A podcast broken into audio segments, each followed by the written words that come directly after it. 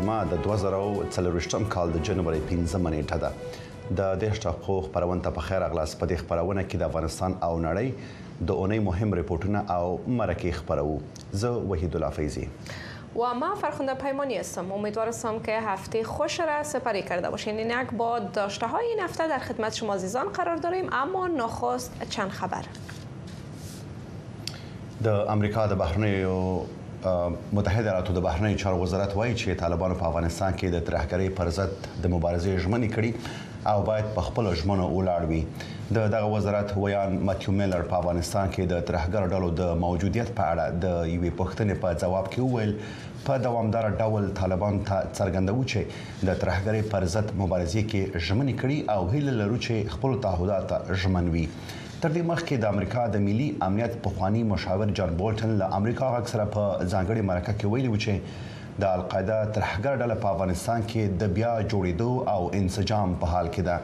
د ملګرو ملتونو د امنیت شورا د تحلیل او ارزونې کمیټې د خپل تیر کال په راپور کې ویلي و چې ترهګره ډلې په افغانستان کې د پخوا په پرتله له ډېرې ازادۍ څخه برخمنې دي او په افغانستان او سیمې کې د ترهګرۍ ګواښونه په زیاتېدو دي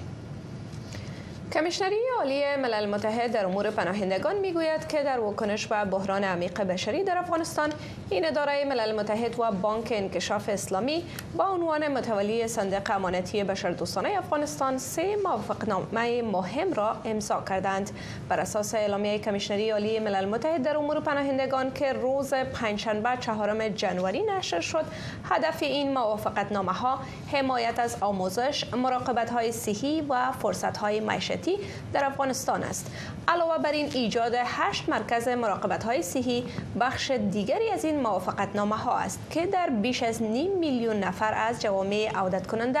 آواره و میزبان از خدمات آنها بهرمند می شوند و شبکه خدمات مراقبت های صحی از این طریق در بیش از 20 در بیش از 34 منطقه بهبود و گسترش خواهد یافت بر اساس اعلامیه این موافقت نامه ها همچنین اجرای برنامه ها را برای افزایش مهارت های حرفه‌ای و تسهیل فرصت های معیشتی از طریق صنایع دستی سنتی مانند زنبورداری و پشم ریسی برای افغان ها امکان پذیر می سازد.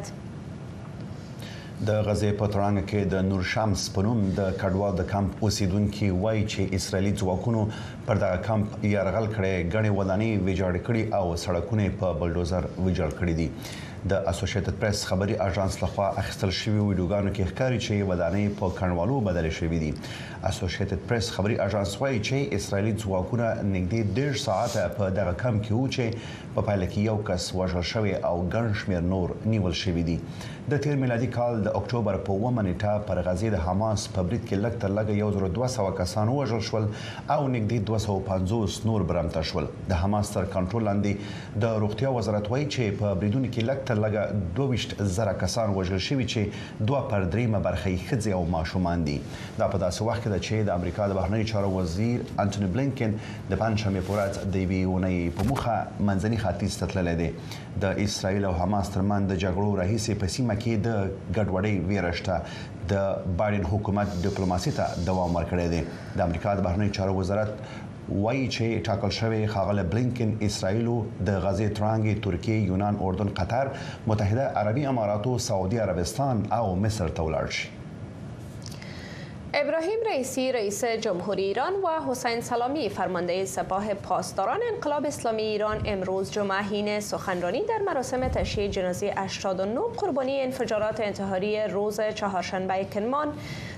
تلاش کردن این حمله را که گروه داعش مسئولیت آن را به عهده گرفت به اسرائیل و ایالات متحده رب دهند جمعیتی از مردم که در مقابل تابوت‌های پرچمدار ایران ایستاده بودند شعار مرگ بر امریکا و مرگ بر اسرائیل را سر دادند حسین سلامی فرمانده سپاه پاسداران گفت که عاملین این حمله میتواند تواند به عنوان مزدوران سیاست امریکا و صهیونیسم عمل کنند او هشدار داد کاملین به گفته وی پشت پرده حملات نمیتوانند با ناپدید شدن و پنهان شدن از انتقام الهی فرار کنند انفجارات دوگانه در مراسم سالگرد کشته شدن قاسم سلیمانی فرمانده پیشین نیروهای قدس رخ داد که در آن 171 نفر نیز مجروح شدند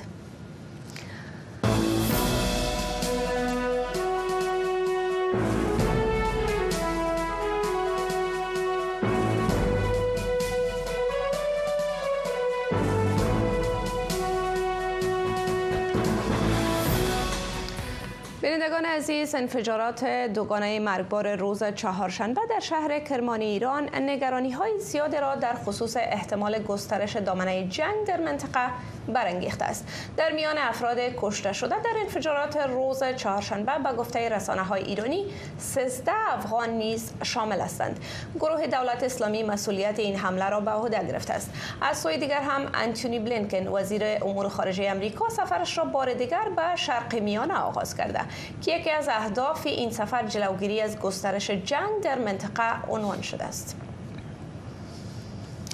قدرمنو لیدونکو په خبرونه کې را سره د سیاسي چارو شنونکي ډاکټر محمد هاشم دانش ملمه دی او په ایران کې د ورستیو چاودنو په اړه به ورسره بحث وکړو آقای دانش خیلی خوش آمدین به برنامه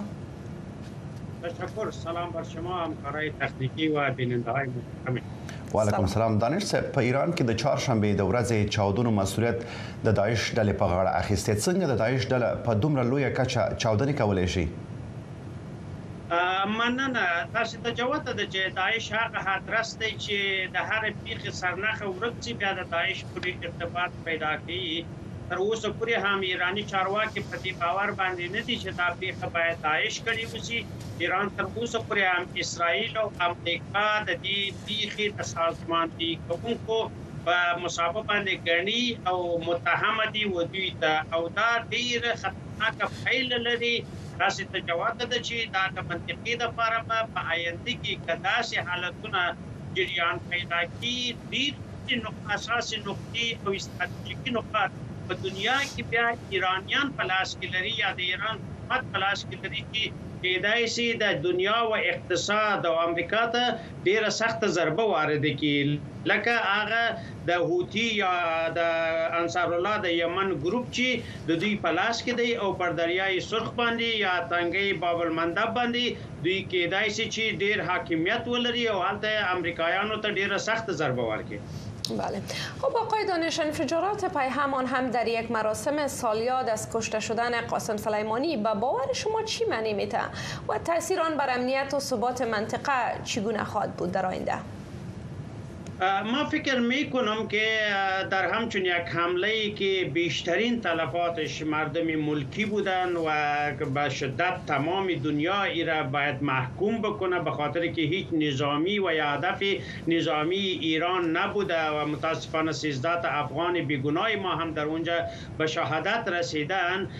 عواقب ازی بر تاثیرات منطقه است که ایران یک گریگاس فعلا ایران یک کشور ساده نیست نیست من یک روز دیگه هم در بحث ها گفتم که ایران فعلا بر مرکز منازعه تبدیل شده از یک طرف مناسباتش با چین و قرارداد 20 ساله ای که با چین داره و از طرف دیگه حمایت بیدریغ ایران در جنگ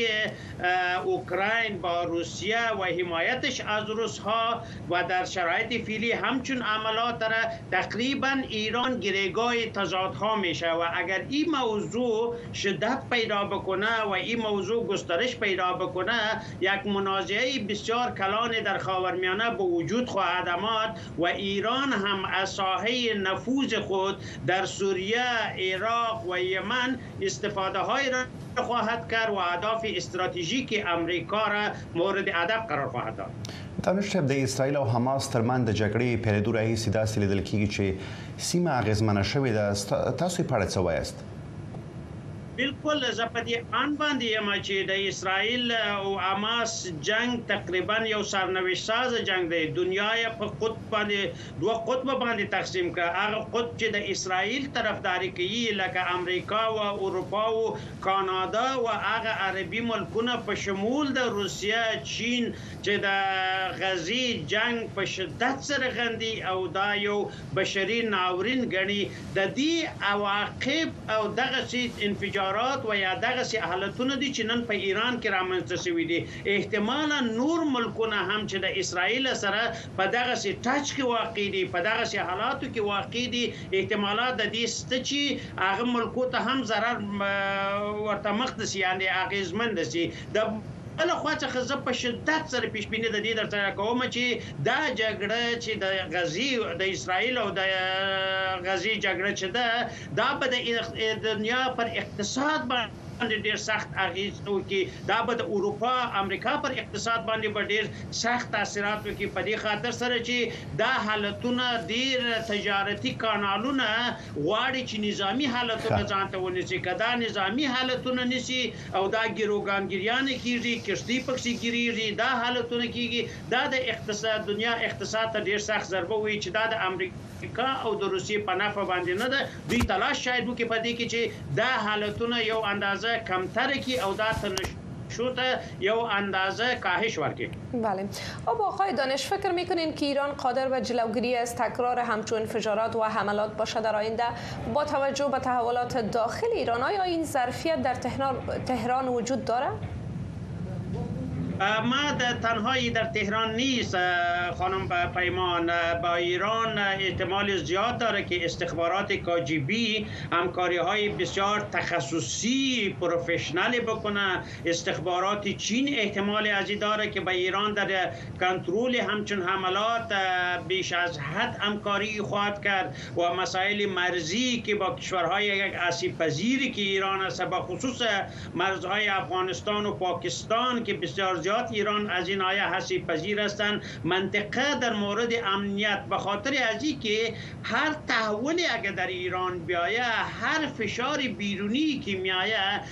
زمینه ساز یک تحول داخلی میشه به خاطر که در ایران یک حکومت استبدادی اخوندی است که انتخاباتش هم نمایشی است دموکراسیش هم نمایشی است همه چیز در کلمروی و یا در انحصار اخوندا است بنان هر تحول بیرونی زمینه ساز یک تحول تحول داخلی است که تحول داخلی به نفع روسها و چینایا نیست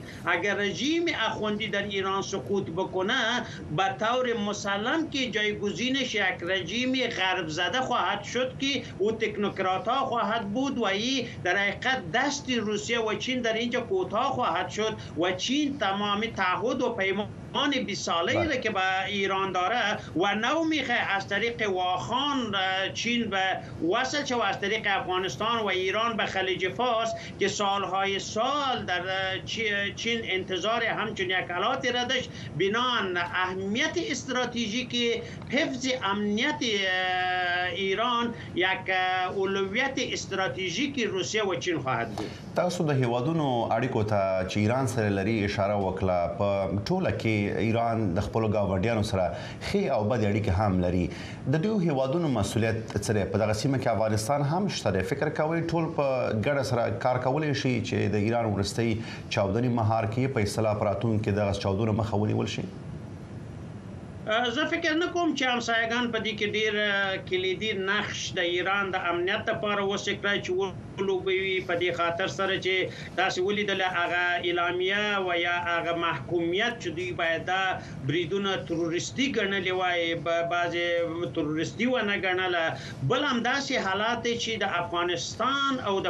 پاکستان حالات فعلا د دوی د ملکو تر کنترول لاندې په هغه شکل باندې نه دي او په شکل د اشکال باندې بخصوص پاکستان د تروریستي ډلو څخه په مسابده یو اعلی اقتصادي او سیاسي استفاده ځنې کوي چې جیش العدل یې تقریبا په ګروګان کې نیولی دی او د ایران څخه په د امتیاز اخیستلو په ترڅ کې دا استفاده کوي د بله خوا څخه طالبان هغسې حالات د ایران سره څاري په دې خاطر سره چې طالبانو ته هم د ایران د سیستم او رژیم د تایید وړ نه دی په دې خاطر سره چې د اهل تشیع او اهل تسنن مسله ده او د مفکوره چې د طالبان د هغه نه هغه قرائت چې د شریعت نه هغوي لري هغه ډیر پر فقه حنفي باندې استوار دی. نو په دې خاطر سره احتمالات د دې شته چې د دې ملکو څخه ایران متضرر شي. د سیاسي چارو شنونکی ډاکټر محمد هاشم دانش صاحب ډیره زیاته مننه چې په دې بحث کې له موږ سره مو ګډون وکړ. یک جان سپاس از حضورتان.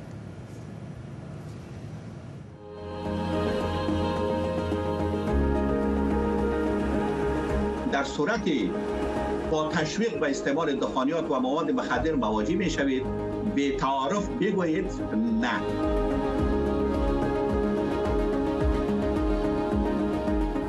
چې کله موږ معتاد ولو داسې به ولې لکه یو مړه سپی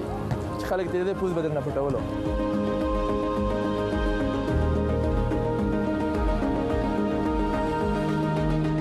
بیشتر بین مردها شایست و زنها و در کدام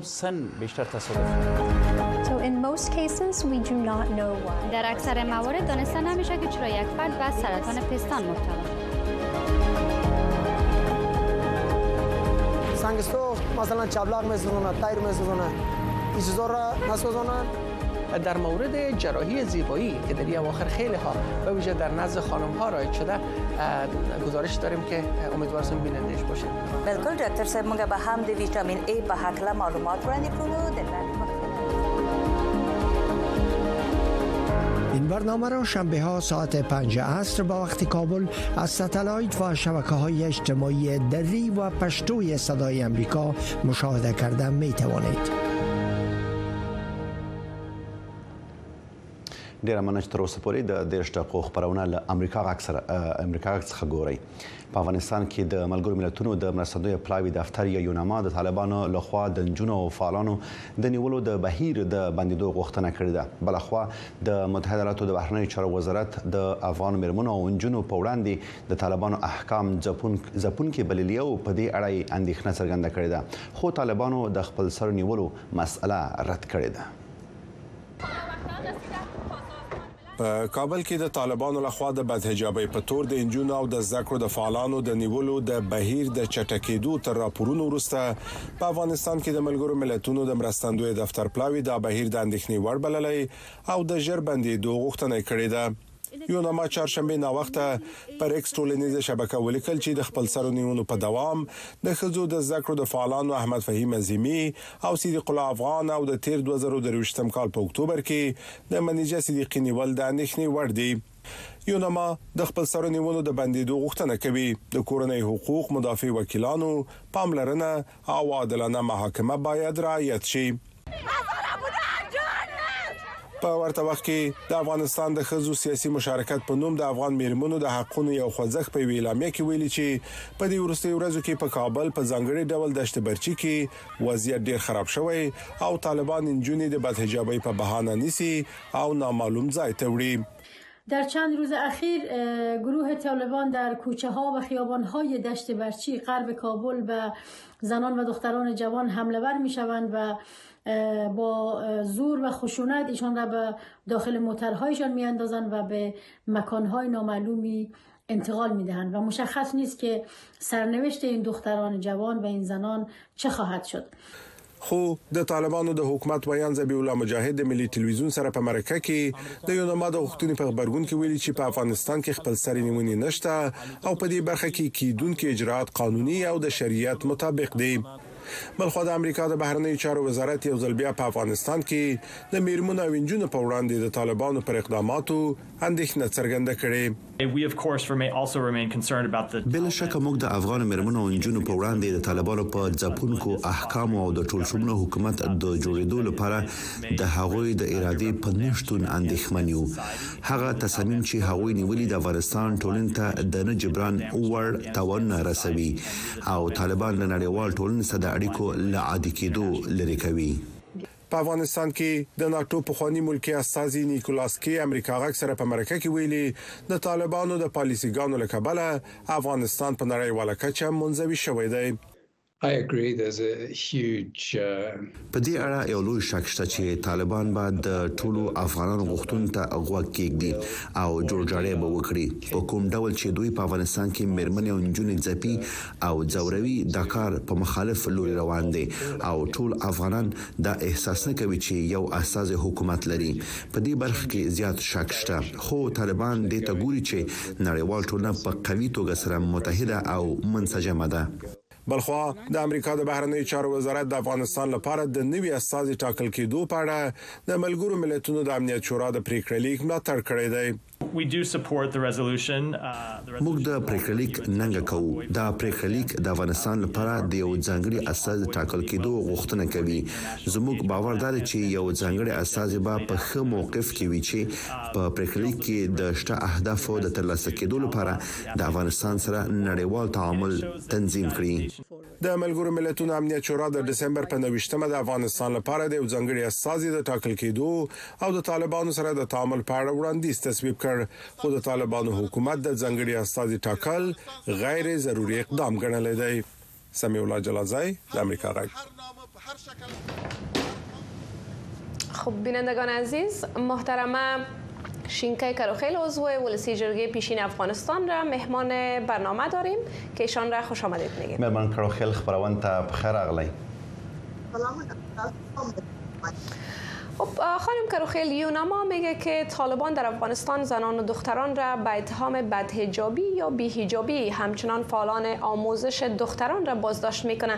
این مسئله به باور شما چقدر نگران کننده است؟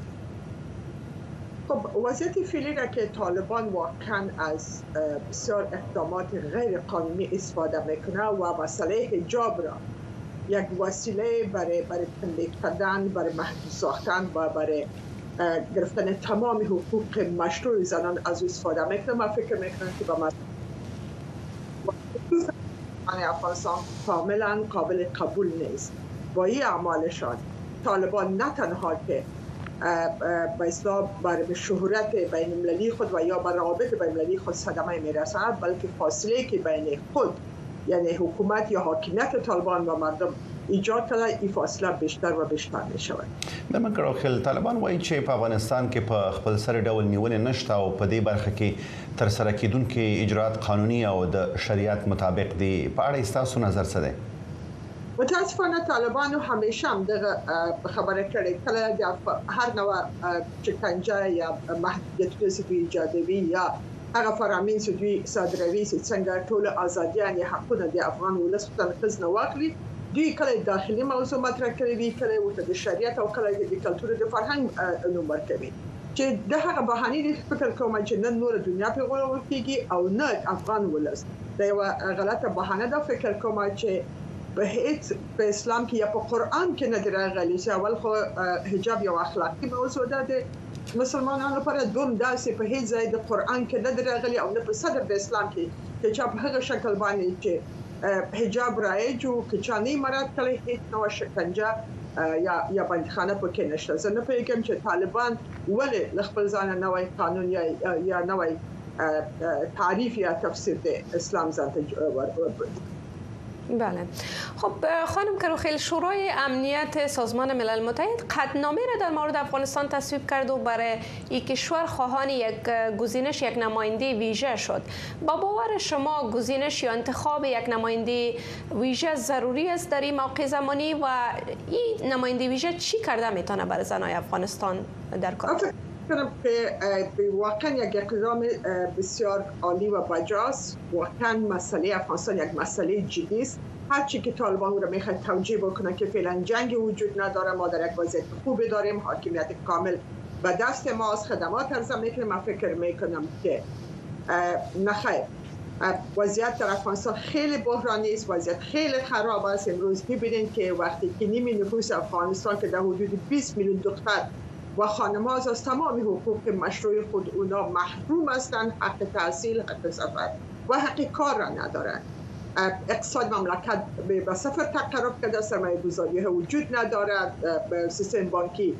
فلج است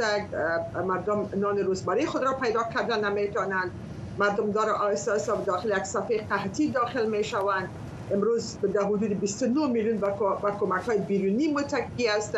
پس چطور یک میتونن که فکر کنن که یک وضعیت کاملا بجا است و حق درس را از تمام دختران افغانستان گرفته است واقعا به خاطر که این مسئله مسئله بسیار جدی است و برای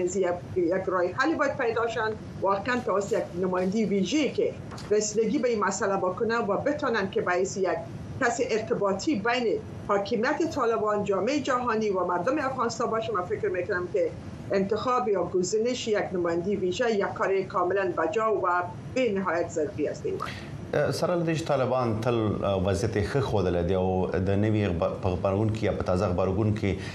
د نوي استازي ټاکل کېدو سره هم مخالفت ښودلی دی. په ټوله کې د طالبانو وېره په څه کې ده؟ طالبان له همدې نه وېره لري چې مبادا په دوی باندې زیات فشارونه راځي، که دوی مثلاً هر کار ته مثلاً مثبت جواب ورنه ورنه کړي یا په خپلو کړنو کې بدلون رانولي، دوی په دې نه ډارېږي چې دنیا بالاخره ځینې جدي اقدامات په دې مسئله کې ونیسي. اوسنی کوم هیئت چې د یونا په نوم د یونما یا. نمایندګي د ملل متحد دلته موجوده ده تقریبا هغوی دوی سره له ډېر نرمښت نه مخ ته ځي نو دوی فکر کوي چې کچېرې داسې یو ځانګړی نماینده وټاکل شي او دوی واقعا له دوی نه په اصطلاح د کړنو غوښتنه وکړي د تغییراتو تحولات غوښتنه وکړي او دوی بیا نشي کولای چې نور بهانې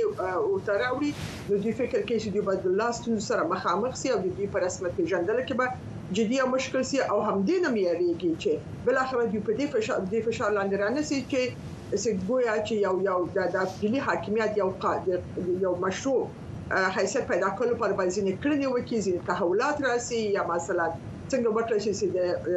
افغان ولس چي هغه سي طالبان نه دي. به په قدرت کې شامله شي، دوی له دغه نه یره لري چې دوی نه غواړي چې هر څه د لاسه ورکړي یا پیسه تقسیم کړي یا نورو سره شریک کړي، دوی غواړي چې مطلق په حاکمیت کې واوسیږي، هغه کړنې چې دوی فکر کوي چې معقوله دي مخې ته مخې ته بوځي او دا ورته مهمه نه ده چې ولس څه غواړي او د ولس هغه مشروع حقونه څه شی دي او واقعاً د افغانستان د پرمختګ او افغانستان په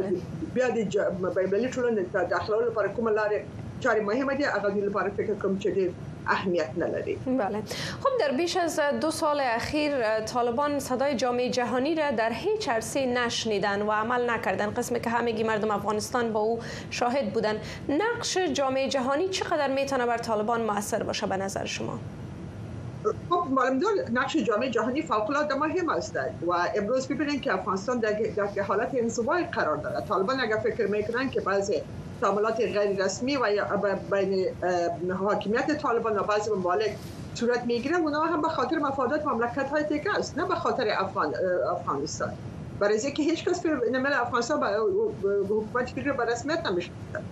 پس رضایت یا همکاری و یا هم حمایت جامعه جهانی برای رسمیت شناختن حکومت خیلی مهم است تا بتانند که یک تعاملات رسمی با وجود بیاید سرمایه گذاری ها شود کمک ها سرازیر شوند و در هر عرصه در هر سکتور و به افغانستان کمک های صورت بگیرد معلوم دار عدم شناخت از آب خودش یک حراس بزرگی برای بله. طالبان است و یا تشویشی که اینا فعلا داره همین است که اگر به رسمیت شناخته نشوند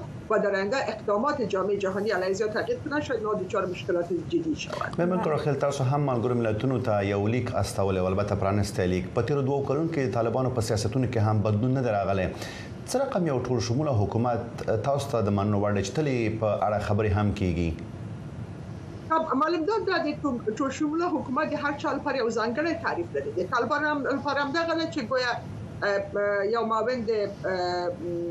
رئیس الوزرا یا مثلا ترکمن دی یا مثلا نه پیګن کوم بل څوک د تاجکان یا د هزاره نه د کابینه کې دا ټول شمول ده نه خیر زه فکر کوم په مجموع کې د افغانستان لپاره ټول شمول حکومت هغه حکومت دی چې په لوړو کرسیو کې په تصامیمو کې غیر طالبان نه باید ولس موجود وي او د افغان مېرمنو لپاره مالم دا ټول شمول حکومت هغه شمول حکومت دی